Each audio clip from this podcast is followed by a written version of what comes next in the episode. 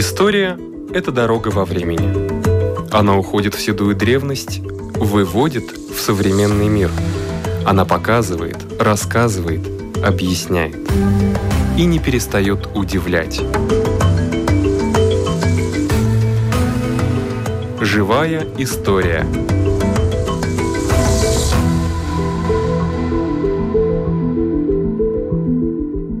У микрофона Лидия Чера.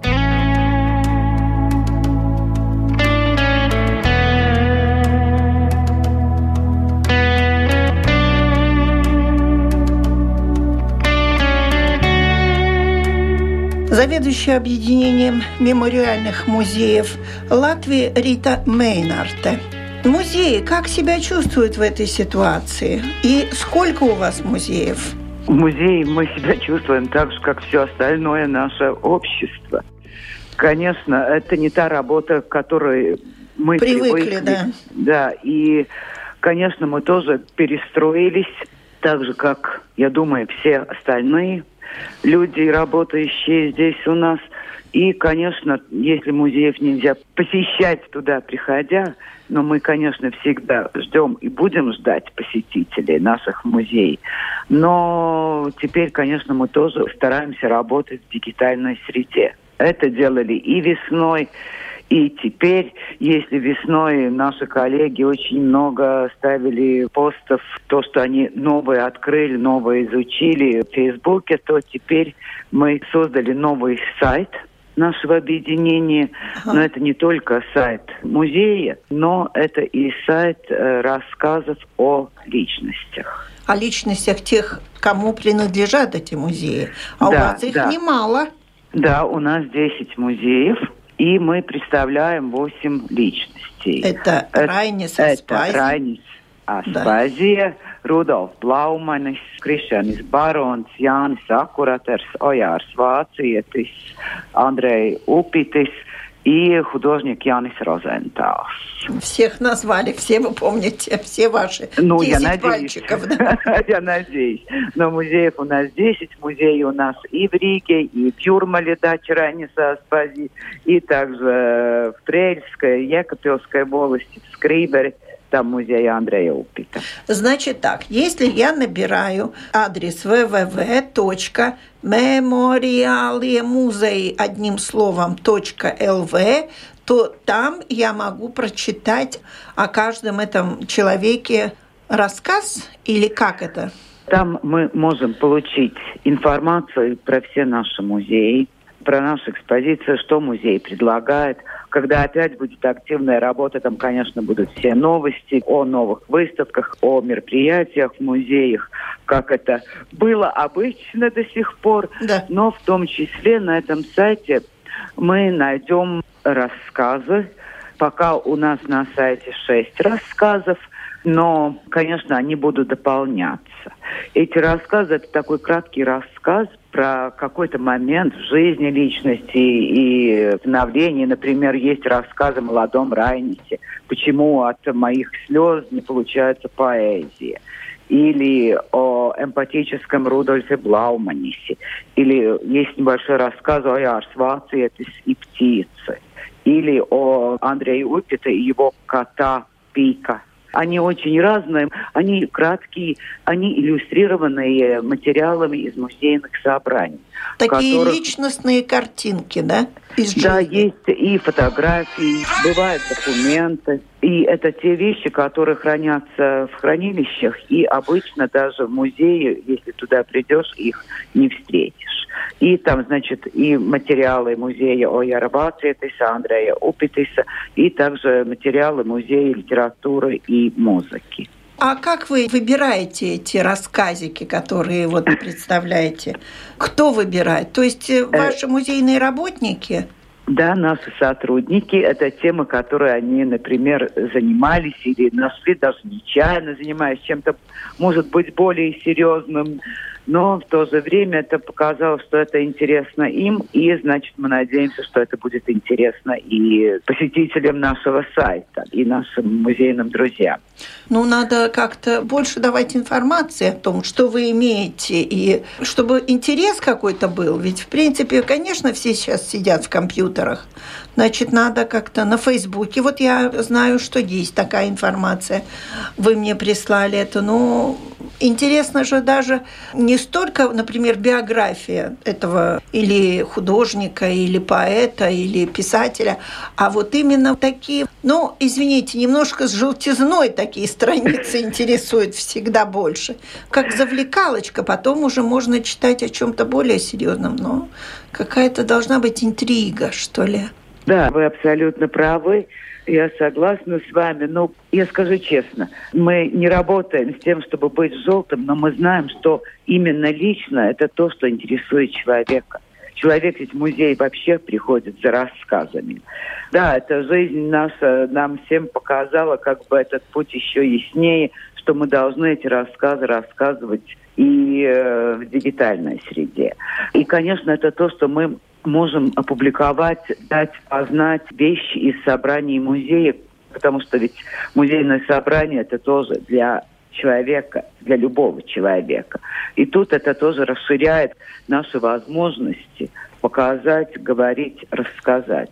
И разные мелочи, они ведь очень важны даже для того, чтобы понять потом произведение наших писателей. Абсолютно верно, да. И они становятся ближе. Я, например, узнала, что Райнис любил герань, и мне как-то даже от этого, от такой вот мелочи, он мне стал как-то ближе. Не просто как да. икона на э, да. фотографии, а Конечно. Вот именно какие-то персональные такие вещи. Ну, например, Ой Арбаци, это его интерес к птицам. Совершенно очень... непонятный, честно говоря. Да. Андрей Упитас наша, как бы, с одной стороны, икона соцреализма, да, да, да и да. все, что связано с этой эпохой э, советского времени. Реализма, да, его... да соцреализма. Да и его квартира, которую, если посетить, то мы можем попасть в среду, как жили высший эшелон советской интеллигенции в 50-е годы, что тоже, безусловно, очень интересно. Но, с другой стороны, узнать, что этот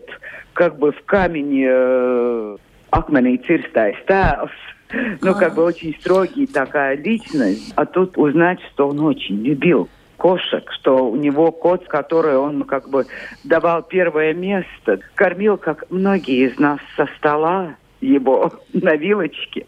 Котика. Но это тоже, я думаю, показывает, ну, такой...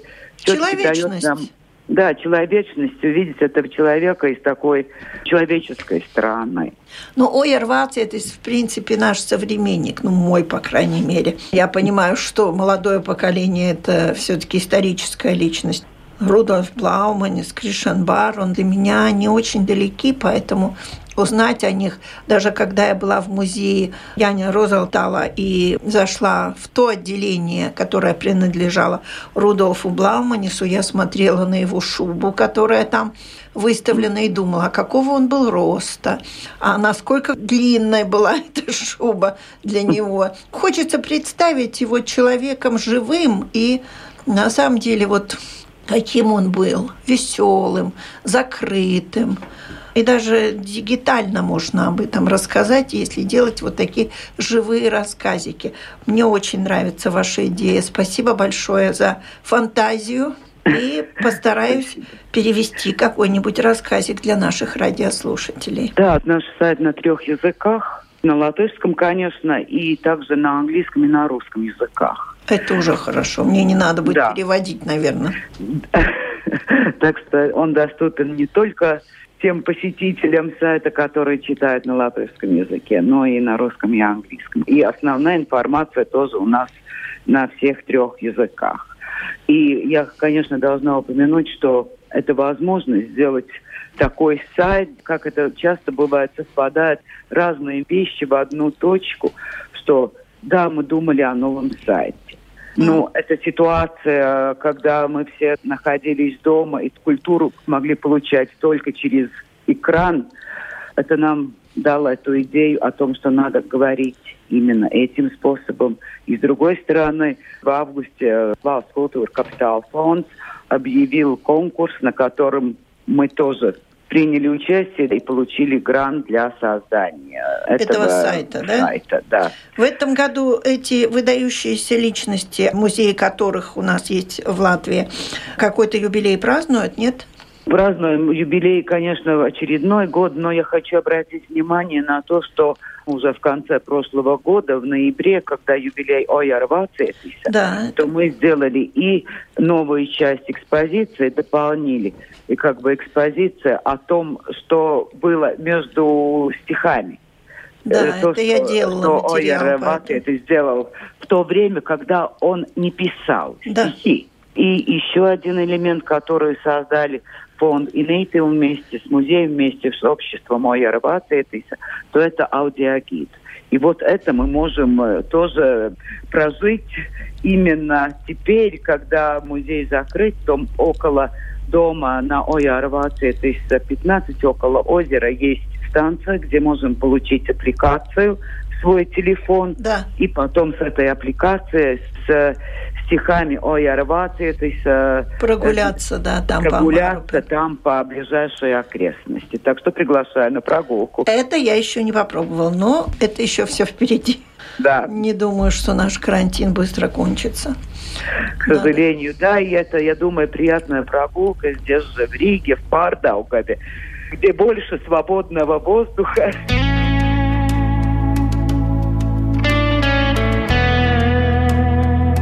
Может быть, кому-то будет интересно послушать рассказ о Рудольфе Блауманисе. Рудольф Блауманис, ему присуще было глубокое человеколюбие, отразившееся в работах писателя. Тему будущей работы Рудольф Блауманис охотно придумывал, когда ходил по комнате или будучи на природе.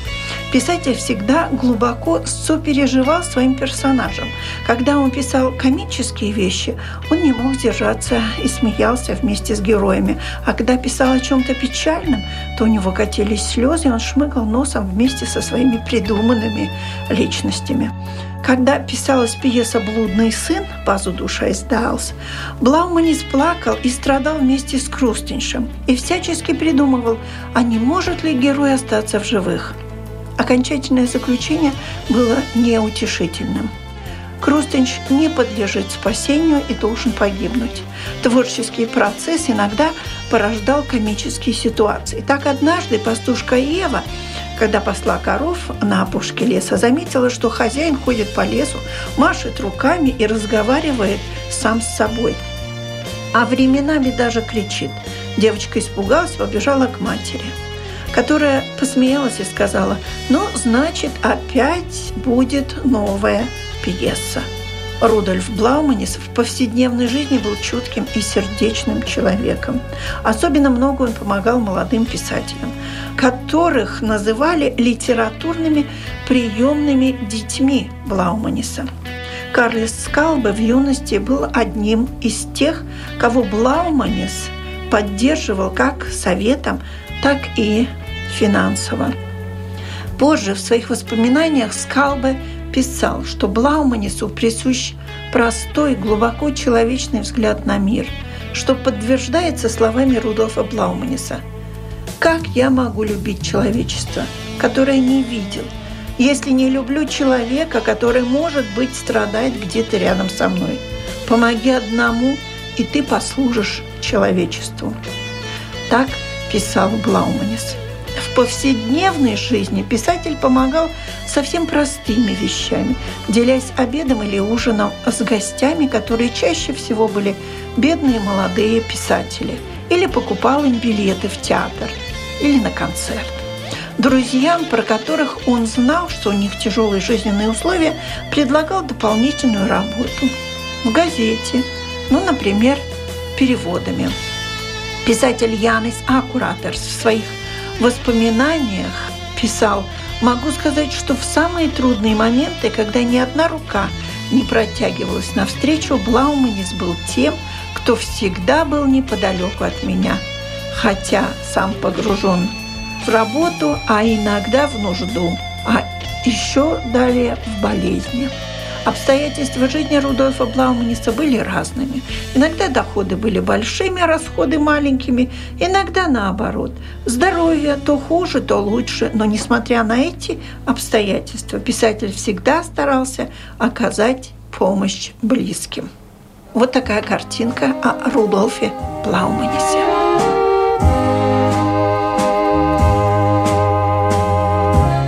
Следующий сюжет нашей программы о качестве строительства домов в советское время.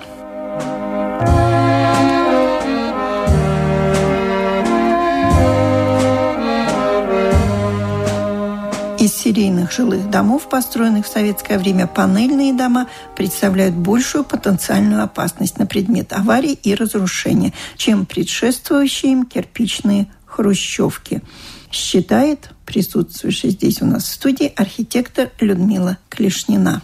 А вот на самом деле, какие дома прочнее, панельные или кирпичные? Ну, я думаю, и те, и другие уже при, приближаются к своему сроку использования. Хрущевские дома были построены в конце 50-х, ну, 60-е годы, уже больше 50 лет. Поэтому, конечно, они все подлежат капитальному ремонту. А панельные дома построены немножко позже, это 70-е, 80-е годы, но еще там несколько десятилетий, и тоже это проблема. Я бы по-другому к этой проблеме отнеслась. Чисто планировочно, потому что хрущевские дома – это кирпичные дома, у них обычно продольные несущие стены, три стены обычно, две наружные и какая-то одна внутренняя продольная стена. Ну, грубо говоря, если снести все перегородки, все квартиры, как бы очистить, то останутся таких два коридора. Их легко перепланировать, то есть переставить перегородки, подвести сантехнику, в любом случае новые стыки сделать. И эти дома реанимировать, чтобы квартиры были современные, больше отвечали нашим современным требованиям. А панельные дома, там это более сложно, потому что в панельных домах обычно у них такая конструктивная система, что все панели несущие. И кроме того, эти панели соединяются между собой закладными металлическими деталями. А металлические детали, металл вообще имеет такое понятие, как усталость металла. Даже если эти дома не подвергались там каким-то аварийным нагрузкам, да, или каким-то там землетрясениям, каким-то таким пожарам и чего-то, просто уже приходит время металлическим деталям, они ну, теряют да. прочность, да? да. И так как это как бы такие коробочки, все панельные дома, они как бы составлены из коробочек, у которых несущие стены, все четыре. И поэтому их перепланировать трудно. Чтобы сделать даже проем такой несущей панели, ну, нужно там закладывать металлическую раму, то есть смотреть, как эту нагрузку перераспределить. Этот проем можно сделать не в любом месте. Поэтому их приспособить, планировку к нашей современной действительности гораздо труднее. И поэтому стоит ли вкладывать деньги в их ремонт, если меняются требования к планировке, к уровню комфорта меняются у людей. Хотя это тоже сложный вопрос. Да? Сейчас весь мир опять возвращается к такому экономному жилью, так сказать. Да, да? Даже к Поэтому, биотуалетам. Да, и даже к такому. Да? Поэтому, может быть, э, ну, это дело будущего. Да? что решат архитекторы будущего. А вы думаете, что правда надо будет разбирать эти дома? Что они... Ну, если они станут опасные. Но... Ну. Наверное, разобрать все-таки дешевле, чем их реконструировать, я так думаю. А как можно узнать, что он становится опасным? Трещины появляются? Ну, это немножко вопрос не ко мне, я не инженер. Ну, да. Должно быть инженерное обследование дома. Когда появились трещины, это уже близко аварийное состояние. А вообще-то у нас положено текущее обследование домов делать. Ну, даже вот те, кто обслуживает наши дома, НАМО Парлникс, они делают такие обследования, обходы домов, и там же тоже работают профессионалы, они должны видеть какие-то первые признаки. Ну, а если да. заменить коммуникации, сделать утепление стен, это продлевает срок эксплуатации? Конечно, дома? особенно замена коммуникаций потому что они раз 30 лет вообще существовали и раньше нормы, и сейчас по нормативам, если не ошибаюсь, раз 30 лет должен быть капитальный ремонт коммуникаций. А посмотрите, дома, в которых мы живем с 80-х годов, что значит капитальный ремонт коммуникаций? Это не ремонт наших санузлов и там подвод трубочек воды да. к а бачку или так далее. Это центральные стояки магистральные стояки, вертикальные, которые проходят через весь дом, да? А чтобы их заменить, ну хорошо, в более поздних сериях там они проходят в коммуникационных шахтах. Значит, все квартиры на всех этажах, вы в коммуникационной шахте будете менять стояки, вы должны заходить в каждую квартиру, и там проводить работы в санузлах, открывать эти дверцы и все такое. А не все жильцы вас пустят в свою квартиру. У нас неприкосновенность жилища, да, первое. Хотя, может быть, в договоре они согласились, что они доступ обеспечат, но это достаточно трудно организовать процедуру, а потом платить. Значит, если мы теперь будем эти стояки все менять, то нам же это включит в наши счета, которые мы получаем каждый месяц, повысится опять плата там будут собирать деньги на этот ремонт, да, это не дешевое мероприятие.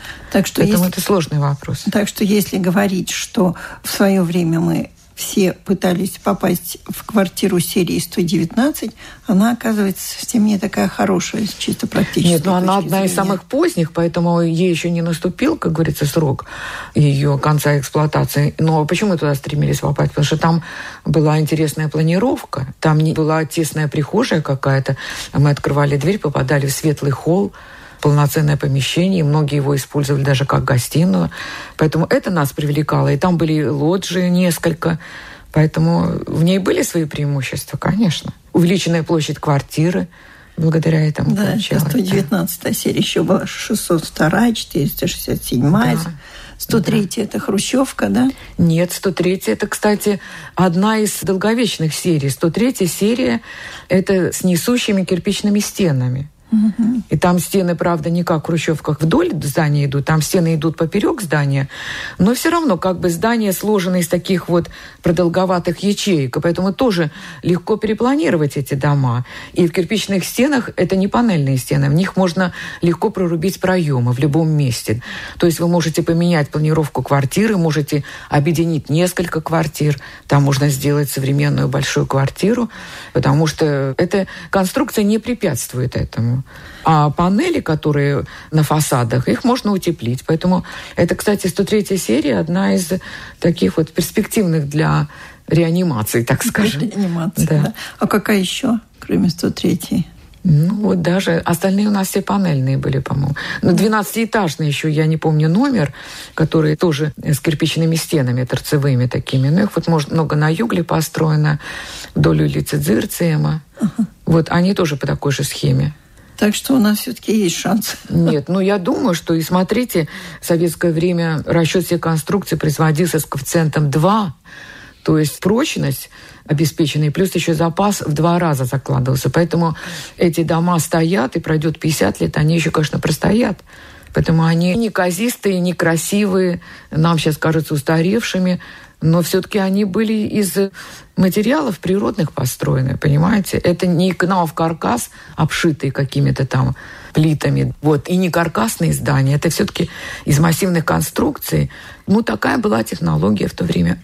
Ну, нельзя сказать, что они некачественные, да? Ну, кстати, хрущевский менее качественно именно построены. Там силикатный кирпич – красный кирпич и желтый кирпич. Это более качественные изделия. А силикатный кирпич, он, в принципе, и в советское время был предусмотрен для промышленных, сельскохозяйственных объектов. Но и в хрущевское времена их строили, потому что нужно было быстро. Он дешевле, чем глиняный кирпич. Силикатный кирпич, он дешевле. Массовое строительство нужно было массу дать сразу, заселить много людей, дать им человеческие условия для жизни. Поэтому строили из силикатного кирпича. Но он быстрее придет в негодность, конечно. Спасибо. Раз все-таки коэффициент прочности 2 у нас еще есть в запасе да. время. Да. У нашего микрофона была архитектор Людмила Вениаминовна Клешнина.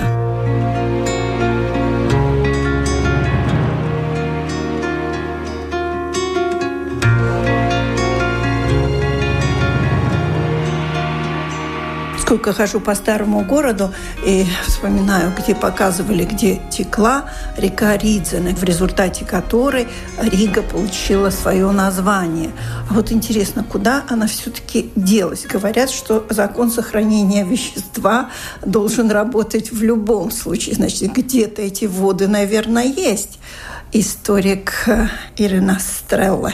Вопрос действительно, где у нас пропала река Ридзене, потому что название есть город Рига, Ридзиня, Ридзене, а самой реки, когда мы ходим по городу Риги, особенно по Старой Риге, мы больше в Старой Риге ни одну реку не видим. Осталось только название Рига, Ридзене, Ридзиня.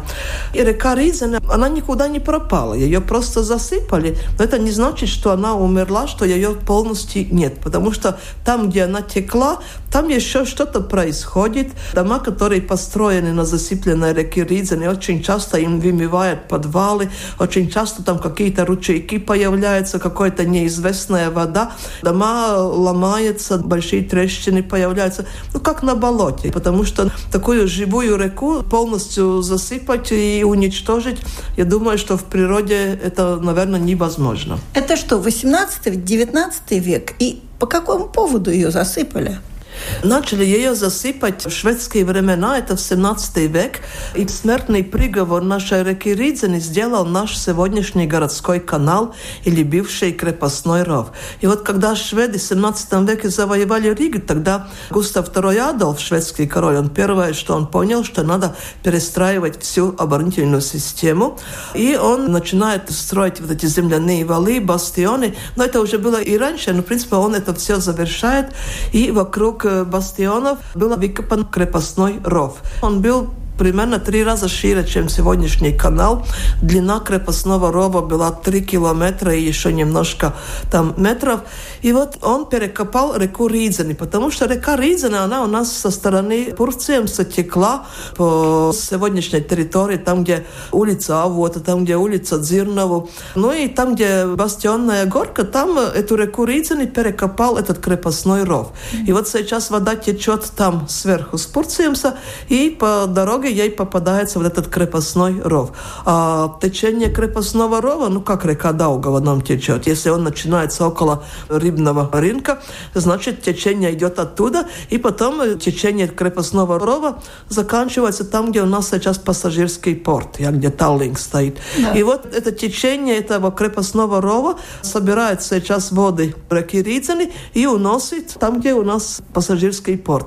И вот этот участок реки Ридзени, который остается в Старой Риге, там уже свежая вода не попадает, потому что она вся уходит в крепостной ров, и поэтому там она становится такая стоячая, вонючая канава, плюс еще все рижаны там отходы выбрасывают, ну и поэтому и запахи, и болезни, и грязь, и поэтому уже в 17 веке начали его медленно засыпать, с обоих сторон засыпают, ну и так до середины 19 века. И последние века река Ризина уже была такая, как канализационная труба, все отходы, вся грязь у нас была в этой реке Ридзени. И поэтому мы и сегодня еще часто вот эти маленькие решетки, которые на улице есть, да. там, где у нас вода стекает, когда дождь да. большой. Старые люди, например, Александр Чакс или Даглаус Рига, поэты, они очень часто их называли Ридзиняс, потому что действительно последние сто лет это было как канализационное место, где стекали все эти грязные воды. Так да. что такое прозаичное, ну не очень очень-то красивое, ну, конец нашей реки Ридзени. Тот же самый канал, который вырыли, он иногда тоже напоминает что-то подобное, когда начинают сбрасывать туда всякие нечистоты, тоже не очень приятного вида. Но Аритина, значит, она где-то под низом, все-таки мы ходим по ней. Мы ходим, и мы очень хорошо знаем, где река Рицина находилась именно в Старой Риге, потому что в Старой Риге проходили в многих местах археологические раскопки, и археологи точно знают, какая была ширина, какая глубина была реки Ридзены, потому что ведь река Ридзены, она же была первый порт города да. Риги, и берега реки Ридзены были укреплены деревянными сваями, и когда мы что-нибудь строим, копаем в земле, мы это все находим. Так что мы можем сказать, да, что река Ридзина местами она была почти 60 до 100 метров шириной. Это была нормальная большая река, по которой плавали корабли. И мы знаем, что корабли могли доплыть до сегодняшнего площади Ливу. Там был найденный утонувший корабль. Также мы знаем, что корабли были найдены на месте, где у нас сейчас универмаг Центрс. Это тоже построенный на засыпленной реке Ридзене. Там, где тоннель, как когда мы идем от универмага центра в рынок, там тоже был найденный корабль, но это единственный корабль, которого мы можем и в музее увидеть. Остальные упомянуты в документах. Упоминания есть, но такие, чтобы полностью исследовать, это у нас только один корабль. Так что не было такой маленькой речки, которая текла. Нет, большая река. Это первый порт города Риги находился на берегу реки Ридзены. И только в XIV веке, когда кораблев стало все больше и больше, тогда этот порт переходит на берегу реки Даугави напротив Старой Риги. Ну а третий порт города Риги, это у нас сейчас с Вантового моста до моря. Так что начало у нас на берегу реки Ридзены. Река всегда остается все-таки, где-то она себя показывает. Мне кажется, когда в Даугве поднимается вода, то и, наверное, и в Ридзене поднимается уровень воды. И это знают жители старого города по своим погребам наверняка. То, что у нас рядом река Даугава, и то, что если есть наводнение, если вода поднимается в Даугаве, я думаю, что древние рижане, конечно, они это все сразу почувствовали, и вода реки Ризани поднималась. Это также, что мы сегодня видим, когда мы идем вдоль городского канала. Ведь есть у нас, когда у нас уровень поднимается там на метр, и уже кажется, что еще немножко, и будет уже улицы тоже под водой. Так что уровень воды, они же вместе связаны, и это все отражается на жизнь города Риги. Раз уж мы заговорили о старом городе, о старом городе, мне кажется, можно говорить вечно, всегда найти что-то новое. Какие свидетельства есть в старом городе? Может быть, самые старые здания? Какие свидетельства того, что вот город имеет такую не вековую, а тысячелетнюю историю. Если мы говорим о самых-самых старейших времен, это примерно больше, чем 900 лет назад, тогда, конечно, мы на улице, на земле мы не увидим больше от, от этих времен, потому что это было то время, когда рижане жили в деревянные домики, а они до наших дней не сохранились. Это только можем увидеть в археологические раскопки глубину 3, 4 и даже 5 метров под Старой Риги. Там есть обгоревшие бревны, там есть э, остатки этих домов. Музей, если вы придете, там у нас реконструкции есть и рисунки на, на стенах, а так вы это не увидите. А каменная Рига, та, которая уже мы называем немецкая Рига, начиная с 1201 года, там уже мы что-то увидеть можем. Очень мало, но немножко есть, потому что большинство то, что мы видим сегодня в Старой Риге, это все-таки 17, 18, 19 новые времена. А из старых времен это наши самые старые старые церкви, Домский собор, Якоба, Яня, Юра, Базниц.